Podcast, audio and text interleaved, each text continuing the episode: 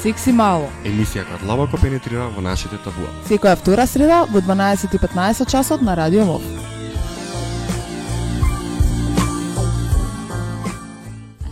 Здраво! Ева е уште една среда со вас во студиото во емисијата Секси мало која длабоко пенетрира во нашите табуа. Со вас се повторно волонтерите на Хера, во малце помал состав, значи во студиото сум јас Маца. И јас Веле. И денеска ќе зборуваме за една тема која што може би и е зборувана, меѓутоа не е толку јавно зборувана. Тема која што малку е табу се уште кај нас, тема за која што постојат определени стереотипи, дискриминација и слично. Предрасуди. Предрасуди исто така. Значи денеска ќе зборуваме за ЛГБТ прашањата воопшто и кај нас во, во Македонија. Значи пред да продолжиме понатаму, најпрво би сакала да да го објасниме поимот, односно да го објасниме акронимот ЛГБТ и ЛГБТ. Значи ЛГБТ е всушност кратенка за лесбијки, геи, бисексуалци и транс личности. Денес исто така почнува да се користи и буквата И, која означува интерсексуална личност, односно интерсексуални личности. Хомосексуалноста всушност е емоционална, романтична и сексуална привлечност кон лицата од истиот пол, додека бисексуалните, односно бисексуалците се привлечени од лицата и од едниот и од другиот пол, односно од двата пола.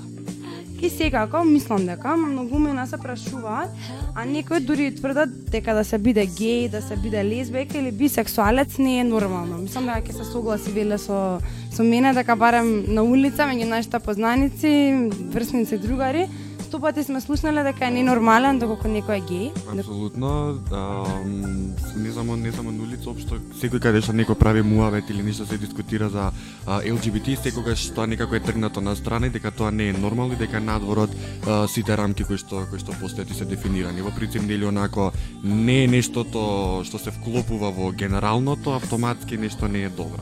Да, значи секоја една различност, па дури и различност во смисол на сексуална ориентација, определба кај нас, е третирана као нешто, вау, страшно, нешто чудно, нешто ненормално. А, значи, да расчистиме уште од почеток, да се приве, биде привлечен од некој без разлика дали е тоа спротивниот пол или па до, или пак од истиот пол, сметам како организација ние сметаме дека нема ништо невообичаено. True. True. Комплетно. Зарем мислите дека љубовта може да биде на нормална. Што мислиш ти, Мила, може да биде љубовта на нормална? Многу не нормално. Значи, хомосексуалноста постои во текот на целокупната човечка историја, не е ништо ново. Антрополозите дури истражиле дека геи и лесбијките биле дел од секоја култура. Исто така и ЛГБТ лицата се дел од секоја раса, дел од секоја социоекономска класа и дел само од различни нивоа на образование, значи дел, интегриран дел во секоја едно општество.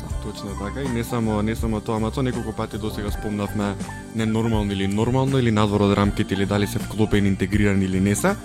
А, нешто што еве како јас исто студент на медицина многу исто се дискутира, не, не се дискутира многу, ма така некако се провлекува во некои предавања и а, презентација страна на професорите или моите колеги и колички а, дека хомосексуалноста представува болест. Ова исто мислам дека беше кажано и на некој од седниците на нашиот парламент, каде што некој од пратениците кој валја бил некој доктор или нешто така кажа дека се уште е болест, нели? Се провлече таква информација. Да, се провлече таква информација, беше и на и на телевизија беше кажано, но јас не знам дали сите знаат дека во 1973 година Американското здружение на психијатри, а потоа во 1975 Издруженијето на психолози ја тргнаа од листата на болести хомосексуалност, односно ментални нарушувања.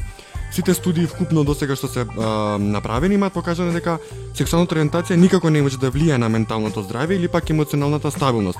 Нели ние цело време во хира збориме дека ако а, сексуално, односно си задоволен и си исполнет како личност, не може тоа никако да да ти шкоди на здравјето, ете така да кажам. Баш напротив, дека ќе бидеш исполнет, ќе бидеш фактички здрава особа. Да, да, да. Океј, кажавме дека во 1973 е тргната хомосексуалноста од листата на болести.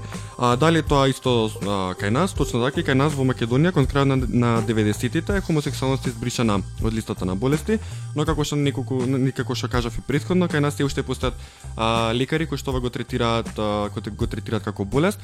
Не знам со дали ти текнува имаше и на телевизија, а, не знам на која точно беше, ама знам дека имаше полно лекари а, снимки од пациенти кои со се преправа дека се а, LGBT кои што деа нели кај на лекар, кај психијатар, им беа препишувани а, лекови, односно хормон заместителна терапија, односно нели тестостерон или естроген со цел нели да им се намали привлечноста кон истиот пол и дека со помош на таа хормонска терапија они ќе почувствуваат ќе бидат сексуално пр- привлечени од спротивниот пол, мислам, апсолутно. Да, апсолутно се сеќавам, мислам само сакам да поддржам во во тоа што го кажа до сега, дека фактички и несвесно лекарите на овој начин шират хомофобија, шират и така како огромна основа, да, за дискриминација. И само создаваат една личност понатаму да не биде само исполнета, не биде задоволна од својот сексуален живот и понатаму кажа ти, нели да се раѓаат да се ствару, да се ствараат разноразни видови на нарушување, мислам да не идеме во крајност дека можно е да се јават и, и самоубиства и разноразни работи. Точно така, особено ако се земе предвид фактот, не знам, ако а, личноста е средношколец или а, значи, дечко или девојка која е а, значи сексуално почнува да се оздраве, да се се бари, да се открива себе си, а, може да ги замисли тогаш последиците од дискриминација и а, лепење на етикети. Апсолутно. Мислам, не само и во да, и во тој процес на нели себе спознавање, спознавање на својата сексуалност, мислам кој што кажа, лицето може да се почувствува нели многу лошо. Исто така од друга и- Апсолутно. Исто така од друга страна мислам секогаш од тука општеството. Сведоци сме во какво општество живееме, малце подоцна мислам да ќе кажеш нешто плюс за тоа. Меѓутоа пак имаме примери, примери каде што и собствените родители си ги затварале своите деца, не им давале јадење баш заради тоа што имале различна сексуална ориентација. Или уживај Условно- период ќе ти помине. Да, условно кажано, нели, ненормално однесување, Да, што да, да. ние се бориме да го сузбиеме и, и да го намалиме цело такво размислување. Но мислам дека многу тежок збор е ненормално и го користиме за све и свашта, ама нема веза. Апсолутно. А, она што сакав исто да го нагласам е дека спомнавме неколку пати дека има многу предрасуди кои што се прикачуваат на целата LGBT а, заедница. А, мислам дека прва прва онака предрасуда која иде на ми, ми, кој ми иде на памет е дека а, сите а, LGBT сакаат а, односно се а, однесуваат промискуитетно Мислам апсолутно ова не знам од каде и зашто се лепи ова етикета туку така, затоа што а, всушност најголем дел од LGBT заедницата сака да има долготрајни стабилни врски како што секој човек сака да има, а, значи да сака и да биде сакан. А, ова всушност а, зашто се појавува и стереотип дека LGBT лицата има а, нема долготрајни врски, затоа што м, ги отфрла и исто така и стигмата ги прави овие врски невидливи фактички. Не дека м, никој не дека Не некој што е. LGBT да не се тука или не сака да има стабилна и а, окей врска. А, е сега, а, исто така а, им- во ПСНВ има многу обиди да се вметнат посебни права за LGBT лицата и обид да се добијат специјални привилегии. Е сега, вметнувањето на одредби во закони кои што се однесува на, сексуалната ориентација нудат заштита всушност на оваа група на граѓани со цел да се заштитат од дискриминација која што може да ограничи, односно да оневозможи да живеат еднакво како и всушност целокупното наше општество. Мислам дека а, многу беше зборено тоа по телевизија затоа што во нашиот закон за, за антидискриминација владата а, ја нема вметнато сексуалната ориентација како услов за за дискриминација, додека сите друго, значи лица за попреченост и така натаму го има внесено како услов за а, дискриминација. Мислам, ние ова го напоменавме во нашата претходна емисија во однос на законот за антидискриминација и одговорот на нашите институции во однос на тоа зошто нема значи сексуална ориентација како основа за за дискриминација во законот е дека едноставно тоа се Подразбира. подразбирало, значи дека не може некој да те дискриминира врз основа на твојата сексуална ориентација. Па тогаш не ни треба никакви закони, пошто све нели се подразбира, Да, не да, да. треба. Вачка мислам да бидеме реални, свесни сме што е Македонија, во какво општество живееме и какви се се табуа постојат, какви се стигми постојат, каква дискриминација постои во било која насока, па дури и кога зборуваме за сексуалната ориентација. Значи, тука да се надоврзам, а, сите геј луѓе се феминизирани, така може да се препознаат. Мислам, Апсолутно, значи мислење о широката популација уште што владе. стереотип. Геј, лесбијки бисексуалци имаат свој начин на облекување, манири, лајфстайл, како и сите хетеросексуалци. Ја мислам дека не може некој да биде етик, етикетиран дека е геј ако не знам носи црвени панталони или носи малку поразлични очила а, или нели онака малце со шишки као емо нешто па леле. У, Да, да, да. сигурно нешто има прави. Меѓутоа, мислам, сепак останува кај нас дека се работи за едно неинформирано, едно затворено обштество, обштество што апсолутно првата а, идеја за личноста ја добива врз база на, на дворешните карактеристики, на дворешните манифестации, значи и всушност не се возможува да, да се запознае личноста многу често кај нас. Да, не само тоа, не знам исто така сигурно мислат дека сите, барем што прочитат нешто после на Facebook беше, као хаха нешто за македонскава фудбалска репрезентација или нешто како беше, коментар небитно као ма ужива и сигурно ги овиве не гледаат фудбал, така да ова не се однесува на нив. О мај гад. Мислам без коментар. Не знам дали треба никој да се декларира дека има различна сексуална ориентација заради тоа што гледа фудбал, заради тоа што гледа, не знам, уметничко лизгање или не знам што. Апсолутно Да, не. дека тоа, да, некако на сите на, на сите иде, мислам на целокупното општество дека тој што е геј мора да се облекува различно, да се однесува различно од другите, а нели да гледа, не знам, да не треба да гледа фудбал ако е машко или ако е женско да не игра со барвики и по дефолт е лесбика, мислам. Да, стереотипи, дискриминација, тоа е моменталното наше општество.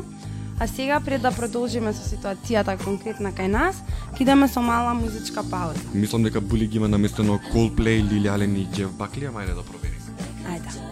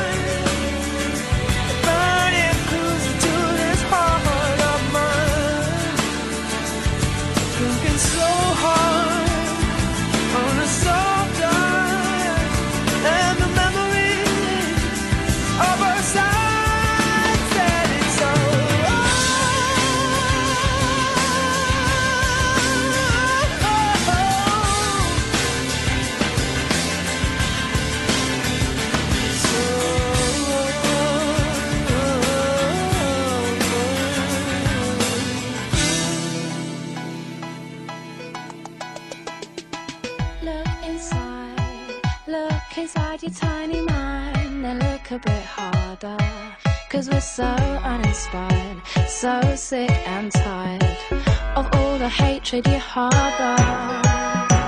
So you say it's not okay to be gay. Well, I think you're just evil. You're just some racist who can't tie my laces. Your point of view is medieval.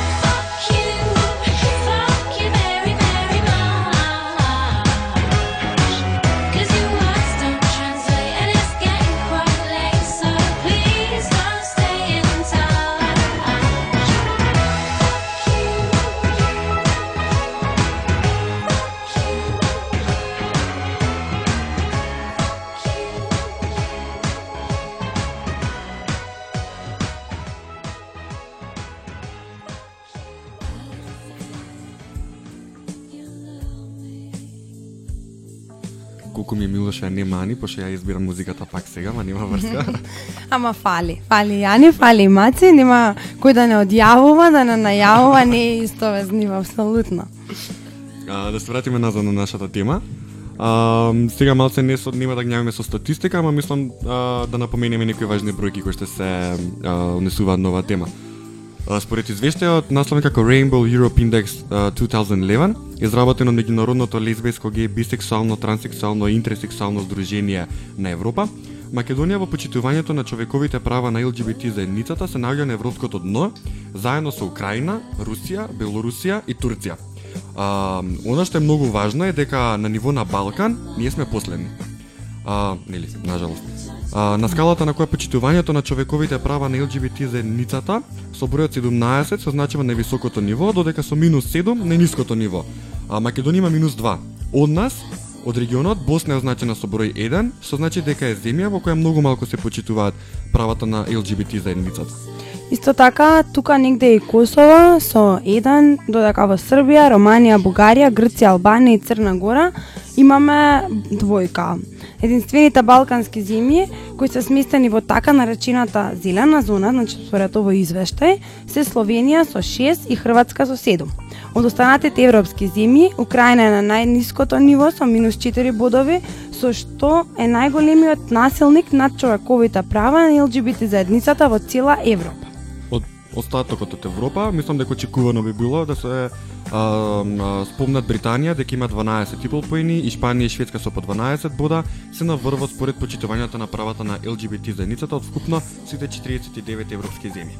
Значи, ова истрашување ги опаќа законите, административните мерки кои ги штитат или пак прекршуваат човековите права, иако тоа не ги одразува по широките обштествени институции кои ЛГБТ лицата може да ги имаат во своите општества. Македонија не само на европското, се наоѓа на балканското дно по почитувањето на правата на ЛГБТ заедницата. Значи, тука треба да се запрашаме дали само ова со однесува на ЛГБТ заедницата или вкупно на сите човекови права. Значи, колку ние сме сензитивизирани, колку ние размислуваме, како ние се однесуваме како обштествени свесни индивидуи или не, баш така или не. И мислам искрено мене овој извештај кај прв пат го прочитав и не ме изненади нешто посебно. Мислам, Точно да, затоа што мислам дека не ни треба некој посебен извештај за да сватиме дека живееме во нетолерантно а, обштество, а, односно дека живееме во обштество во кое а, хомофобијата има на секаде, исто така и дискриминацијата ја има секаде, но во принцип добро е да се знае каде сме прилика во однос на во однос на другите земји. Мислам дека тоа можеме комотно да го поврземе и со немањето на, на сексуално образование, значи со немањето на информации, бидејќи луѓето за се што немаат информација, се што им е нешто невообичаено, Ново непознато. ново, непознато, нормално е да да чувствуваат некој вид на страв, значи да се повлекуваат, Да, дури да се прифати, секогаш има отпор кон нешто ново. Апсолутно. непознато. Дури и да напаѓаат. Мислам, хомофобијата кај нас има на сите нивоа во општеството, почнувајќи од училиштата, па до политичарите, па дури се Докторите. Апсолутно, докторите веќе напоменавме, се користи секој момент да се покаже патриотизмот, да се наведе некој со поинаква сексуалност, да се навреди некој што е поразличен. Точно така. Мислам дека нашите слушатели а, добро се сеќава на минатата наша емисија за сексуално образ... за воведување на сексуално образование а, во нашата држава.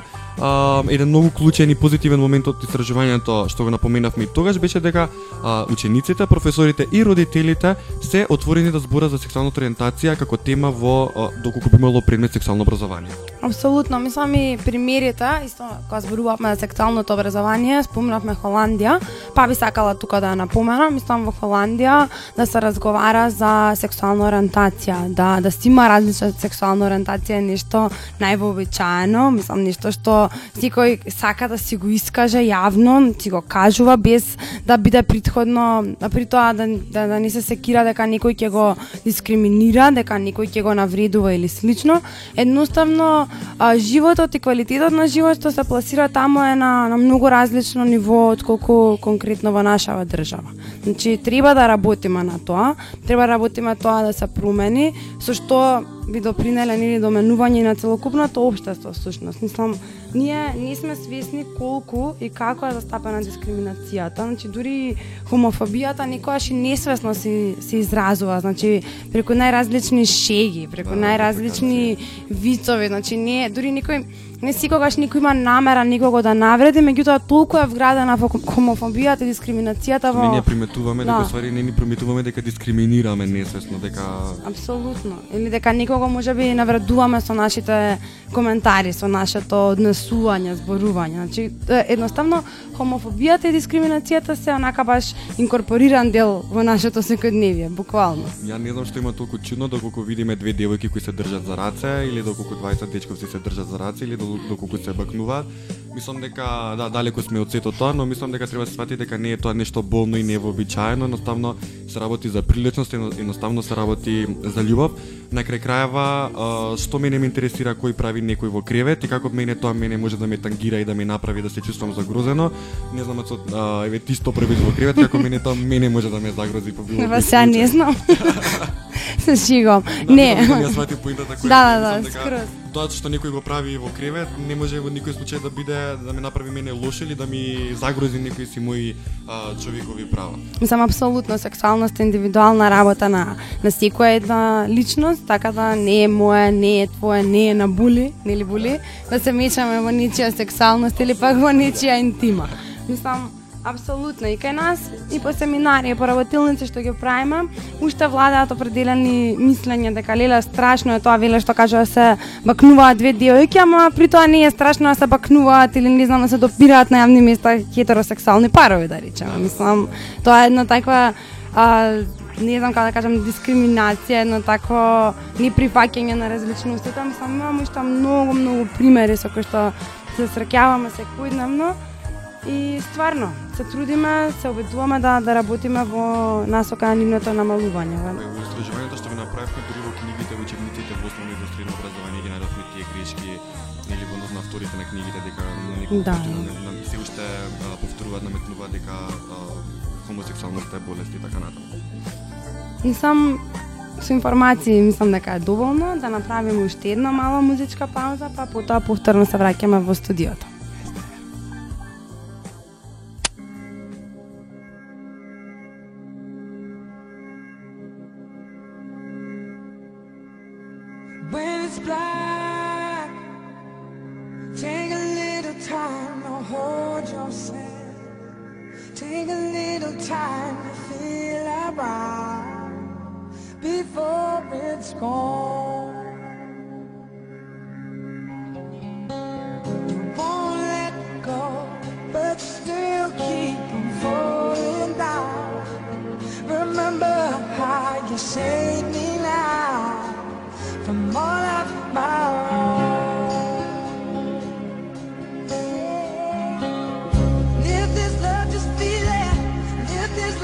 See it.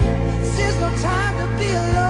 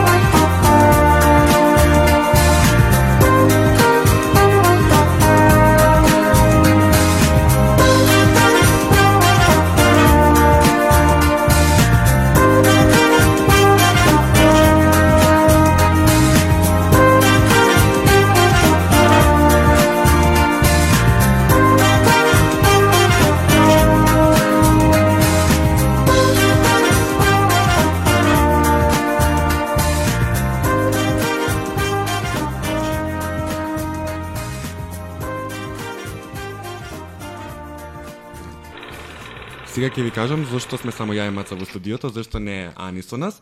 А Ани ја слободивме од обврската денеска да биде со нас во студиото, затоа што Ани направи интервју, тоа беше незина задача, со Славчо Димитров од Коалицијата за сексуални и здравствени права на маргинализираните заедници и со така и ко-куратор на изложбата член 1 и музеј на Нестрейт. Одиме со интервјуто и Славчо. Вака најпрво здраво Славчо. А, најпрво поздрав, како си? Добро е, добро е, добро е. А, јас а, најпрво би сакала да поразговарам околу идејата нели откривањето со изложбата сега брзо што беше. И веднаш би започнала со првото прашање како Скопје стана дел од мапата на патувачката изложба на шведскиот музеј. Музеј. А, така, значи, а, изложбата пројде први низ неколку градови во регионов. А, беше отворена 2008 иницијално во Стокхолм, Шведска. А, и е имено организирана од истоимената организација, член 1 или Article 1, а, од а, Шведска во соработка со поголем број на национални музеи во Шведска. А, изложбата после а, Стокхолм патуваше во Рига, Литванија, од таму во Сараево и два пати во Белград во Рекс културниот центар и во Музеј на југословенска историја во Белград. А, организаторите на изложбата не исконтактираа а, и ние бевме фасцинирани од, од самата изложба, бидејќи ја знаевме уште предходно кога беше изложувано во Сараево, во Белград и бевме сосем расположени да а, се обидеме да ја представиме и тука а, изложбата. А, покрај, значи, оно што е главната изложба, ние излеговме со идеја, јас и Велимир Жеромски, како локални конкуратори, а, да направиме и локална контрибуција со која што ќе ја збогатиме самата изложба и ќе ја дадеме некаков локален, ќе дадеме локална нијанса, односно ќе ги засегнеме проблемите кои што контекстуално се релевантни. Добро. Особено интересен дел од изложбата беше и емоционална архива на нехетеросексуалните искуства во Македонија, која беше првичната идеја и очекувањата нели да се е, вклучи оваа постапка и дали очекувањата беа исполнети. А, значи, емоционалната архива е токму она што е локална контрибуција во, во а, изложбата. Некако е блиска до еден поддел на самата оригинална изложба, кој што се вика The Unstraight Museum, а кој што е онлайн а, а, архива, формирана во која што луѓе од цел свет а, доставуваат предмети, имено фотографии од предмети, бидејќи е онлайн изданието, кои што се придружени со известна лична приказна. А, овој концепт е нешто кое што јас конкретно со оглед на мојот интерес во активизмот, но и во квир теоријата и джендер студиите, а, се бавам долго време, а и со Велимир имаме интерес заеднички кон оваа проблематика, односно а, проширувањето кое што го дадовме на, на Unstraight Museum е прво на две нивоа, тоа е едно концептуално проширување, а, на, на, на, самата, на самата идеја, а од друга страна имаше идеја да биде известна политичка институционална интервенција во во македонскиот а, контекст. Накратко само ќе појаснам за двата дела. Првиот концептуалниот дел се однесува на она што представува емоционален аспект на оваа архива, а, со што одстапува од традиционалните институционални форми на архивирање на културното наследство, кое што е а, премолчено а, хетеросексистичко, кое што претендира на неутралност, а меѓутоа во основа кога ќе влезете во кој да било музеј, каде што можете да најдете елементи од културно наследство, ќе најдете или антрополошки и археолошки а, артефакти, ќе забележите дека станува збор за секојдневни предмети или институционални предмети кои што се поврзани со хетеросексуални искуства. А, тоа отвара две прашања. Прво, дека имат историски контекст во кој што хетеронормативноста била доминантна и се уште доминантна, што значи исклучила можност за каква и да била видливост, институционали или институционализација или јавно признавање на нехетеросексуални практики и љубови, а второто е дека музеите а, и архивите, институционални и национални, кои што ги представуваат овие артефакти од историските искуства, а, единствено што прават е дека ја репродуцираат истата таа матрица, бидејќи не поставуваат поинакви прашања, односно не поставуваат прашања кои били условите за ова. Дали дека а, културното наследство за со а, критериумите и нормите за легитимизација на архивски материјал и самиот архивски материјал кој што го има во музеите и архивите е хетеросексуално детерминиран, односно дека хетеронормативен и дека во исто време се представува како неутрален, односно ја брише собствената хетеро а, нормативност. Стано збор за предмети кои што сите сведочат за секојдневните хетеросексуални или укажуваат на историјата, националната историја, секогаш со признакот на хетеро значи, првично, сакавме да ги преиспитаме овие невидливи критериуми. Друго, поставите на архивирање дека го и архивираат таа историја, а архивираат историја која што е хетеронормативна. И не можете во таа историја да најдете никакви други траги за а, алтернативни или нехетеросексуални релации, заедници, интимности и така натаму. И во истиот момент кога архивите и музеите ги представуваат единствено тие истории, а при тоа не поставуваат никакви прашања, а, кои што би ги проблематизирале тие истории или кои што би истражувале поинакви искуства, сметаме дека учествуваат во репродукцијата хетеронормативноста. А, третата ни беше да изнесеме на, на, на, на виделина емоции и да го разбиеме митот за а, приватноста, индивидуалноста која што е поврзана со емоциите. Односно, сакавме да укажеме на тоа дека емоциите кои што ги проаѓаат луѓето, конкретно една стигматизирана и исклучена група на луѓе, кои што се нехетеросексуалците, кои што имаат обштествена, културна и политичка видливост, дека нивните емоции сведочат за системот во кој што живеат, односно ограничувањата кои што тој систем ги наметнува доведуваат до известни негативни емоции, стигма, срам, депресија, а, недостаток на себе а, акциозност и така натаму или а, разочарување поради невозможни љубовни врски, не љубовни врски, на тој начин сите овие емоции ни покажуваат дека овие луѓе живеат во систем и дека нивните најинтимни и најиндивидуални искуства се детерминирани од системот и на, преку тоа повикуваме на преиспитување на системот. Но покрај негативни емоции, овие кои што ги собравме, кои што ни ги донираа луѓе на јавен повик, значи тоа заборев да го напоменам, а, покажуваат овие предмети се на други типови на емоции, на радост, на среќа, на начини на преживување у системот кој што е полн со ограничувања, а, стратегии со кои што се градат релации заедници, пријателства, љубови, врски, начини на прокнување на собствените емоции, афекти на места кај што најмалку се очекуваат, невообичаени локации за развивање на љубовти, и така натаму, односно а, нагонот и стрес за себе реализација на а, овие луѓе.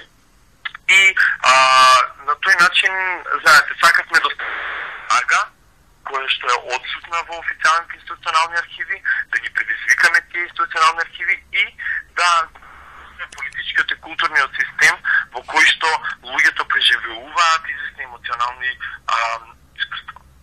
Накратко тоа, мислам накратко, Да. не толку и кратко, меѓутоа тоа би го посочил за овој дел од локалната контрибуција, кој што а, да напоменам, не беше единствениот, односно имаше уште еден, една локална контрибуција, а која што се вика сексуалноста на а, македонската архива.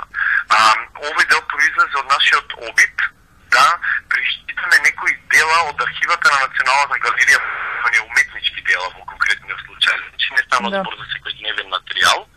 И а, а, ние не идовме насилени од Националната галерија, односно ни беше забрането да пристапиме во нивната архива на уметнички дела, што е скандалозно, да ја истретира архивата која што е национална и на сите луѓе како собственост, како нејзина собственост и без никакво легитимно право ни забрани пристап и како и да било користење на овие дела. Ние сакавме да изнесене дел од тие дела, кои дадат алтернатив, отвараат можности за алтернативни интерпретации. Значи, не единствено во смисла на тоа дека ќе наоѓаме геј идентитет врски во тие дела. Да. Туку алтернативни начини за интерпретација на, на родот, на, на заедницата, на родовата нееднаквост, на, на, на маскулинизмот, на, на, на, на тоа што значи женскост во, во и како тоа е представено во македонската уметност од 19 и 18 век па се до денес и така натаму. На нас тоа ни беше забрането и ние како резултат на наше алтернативно истражување на таа архива, стигнавме до една слика која што беше исклучително провокативна и која што сметаме дека поместува многу критериуми за а, хомосоциалните релации, односно за односите релациите помеѓу машите во општеството, за маскулинизмот, го предизвикува маскулинизмот, а и отвара сексуални загадки. А тоа дело го ставивме во огромна просторија во Чистамамот, за темната просторија само со легенда за насловот на делото, без репрезентација, односно без самото дело.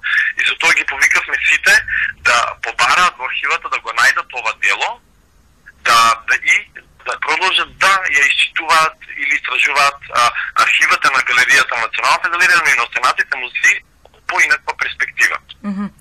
А, понатаму ја би продолжила со оглед на тоа дека помина одреден период од отворањето на изложбата. Што мислите како оваа изложба нели прва од ваков вид во Македонија, како беше примена од страна на јавноста и како нели таа реагираше? Значи, нашите први интереси се дека имаше многу позитивни реакции. А, прво, преди тоа се имаше огромна, невидена посетеност на отварањето на изложбата, едно 400-500 луѓе што ја рекат во Македонија за какви да било изложба. Мгм, да, да, да. Потоа во целиот овој период имаше континуирано на дневна база посетители во музеот, што исто така, така е е редкост. Медиумската покривина беше повеќе од добра, од самата најава па до покривање на а, изложбениот а, темат и проблематика и мали инциденти со тоа што беше кинат а, плакатот од Сити Лајтот пред Националната галерија, односно беше искршен Сити Лајтот за да биде плакатот. А, и сега во теков на, на самата изложба, рекламната церада за изложбата, која што е она 5 метри голема, која што стоеше над зидот на, на Националната галерија, веднаш да до влезна врата беше а, украдена, односно елиминирана, тргната, пошто очигледно на некому пречела и тоа тргната беше поставена со не знам, она силно притврстена на покривот на галеријата и Да тоа беше сторено во, во присуство на чувар, во присуство на камери и галеријата не го пријави овој инцидент во полиција, со што покажа дека за нив кога станува збор за изложба или за нешто што е поврзано со нехетеросексуалност во Македонија не е, Не е важно, да, да, да. не интерес, не е важно, не го сметаат тоа за за насилство, а индиректно упатуваат и апел до сите дека кој што сака може да направи со Национална галерија, знаете. Така, да. Ако они не го пријат, значи секој може да иде, не знам, да нешто или да влезе внатре во крајна линија, што е она фрапантно, ова е невидено за, не знам, да се случи, замислите се ова се случува во Версај, некој да дојде да ви украде нешто од што стои на зидот на Да. па мислам е скандалозно, просто не можете да го замислите. Али во генерала, а, реакциите беа позитивни и од посетителите и потоа од луѓе кои што накад не гледа или кои што слушнаа за изложбата. Така да. А, и за крај, нели, а, дали сметате со оглед на тоа какво е нашето општество, нели сите знаеме, хомофобично и дискримин, дискриминирачко настроено, а, ваквите културни настани може би се една од главните алатки за активизам и за кршење на стереотипите и табуата, што кај нас нели се многу. И со тоа и создавање на безбедна и прифатлива средина за ЛГБТ лицата. Дали е тоа мож, возможно? А, мојата позиција е а, културно ангажи... културните настани кои што се социјално или политички ангажирани се едно од главните средства за за активизам, посебно во нашиот контекст. А, и ова го кажам од перспектива на тоа дека главните и доминантните национални политики во Македонија се градат преку културно-политички стратегии. Отпорот на, на таквите културно-политички стратегии, националистички, маскулинистички и така натаму, мора да, да ги искористи истите, средства со кои што се врши опресијата, тоа е културата како средство и тоа на најразлични а, начини и а, методи. А, од друга страна, дали е тоа возможно? Да, мислам дека е возможно, меѓутоа тоа е возможно само кон резултат колективен напор. Не може индивидуалец или мала група на индивидуалци да го а, направат тоа. Што значи мора организиран колективен напор и преиспитување, бидејќи културата е сватена не само во смисла на институционализирана уметничка практика. Воопшто на, на целиот систем од вредностни а, кодови и норми кои што го редуваат начинот на живење во една заедница, културата е токму дефинирано тој начин местото кое што е најдлабоко врежано во свеста и во телата, во, емоци, во емоциите на луѓето и како они веруваат, реагираат и чувствуваат во една заедница. Значи е местото кое што мора првин, најсилно, тоа е и најтешко, да се да се адресира и да се води борбата токму на овој терен, бидејќи легалната промена не ви гарантира ништо. Легалната промена ви дава само основа за да вие можете да почнете да действувате на едно посуштинско ниво, а тоа е културата како систем на вредности, а, значења, норми, правила и така натаму. И мислам дека има простор за тоа да се прави. Ова и други искуства претходно го покажуваат тоа и истите треба да бидат интензивирани да се случуваат се почесто. Тоа е именно нашата намера. Е и ние- да, да, да. ние во септември планираме да направиме уште една голема изложба, која што ќе се однесува на нацистичкиот терор врз хомосексуалците. Од е, 39 до 44 и со тоа сакаме да ја приспитаме врската на национализмот и а, сексуалноста. Меѓутоа тоа во септември ќе имаат прилика да го видат сите. И останува уште на крај на оваа емисија да кажеме збор 2 за тоа како сите ние можеме да го направиме ова општество поотворено да придонесеме кон намалување на хомофобијата. Не се очекува дека секој еден од нас ќе биде активист за ЛГБТ правата, но секој може да даде барем малку придонес кон тоа. Колку да звучи клише, а, секоја промена знаеме дека започнува од нас, а секоја промена нормално започнува со првиот чекор. Многу мокни зборови ако знаеш се и Апсолутно. по македонски. значи за тоа има петка целозредно. А значи сакам да напоменам дека треба да заборавиме на сите хитерски коментари на тема сексуална ориентација, колку и тоа да звучи наивно. А, никогаш не знаеме дали другарите, другарките, колегите, колешките од факултет, од работа или луѓето кои што се околу нас постојано, со кои што постојано комуницираме се геи, се лесбијки или пак се бисексуалци. Затоа ставете се во нивна ситуација, како вие би се чувствувале да слушнете хејтерски и хомофобични коментари, колку и тие наивно да звучат. А, мислам дека одбравме со Маца многу добра порака за на крај за да завршиме оваа емисија. Повторно е сеска. а значи хомосексуалноста не е избор, но хомофобијата е. Чиста петка од нас. Фала многу, се гледаме за две недели, тој се слушаме, пардон на лапсус. се видиме со Були, шо? Да, со Були се гледаме, се слушаме за две недели со нека нова емисија, се надам се допадна оваа. Пишувајте ни, коментирајте и толку од мене за денес. Чао, чао.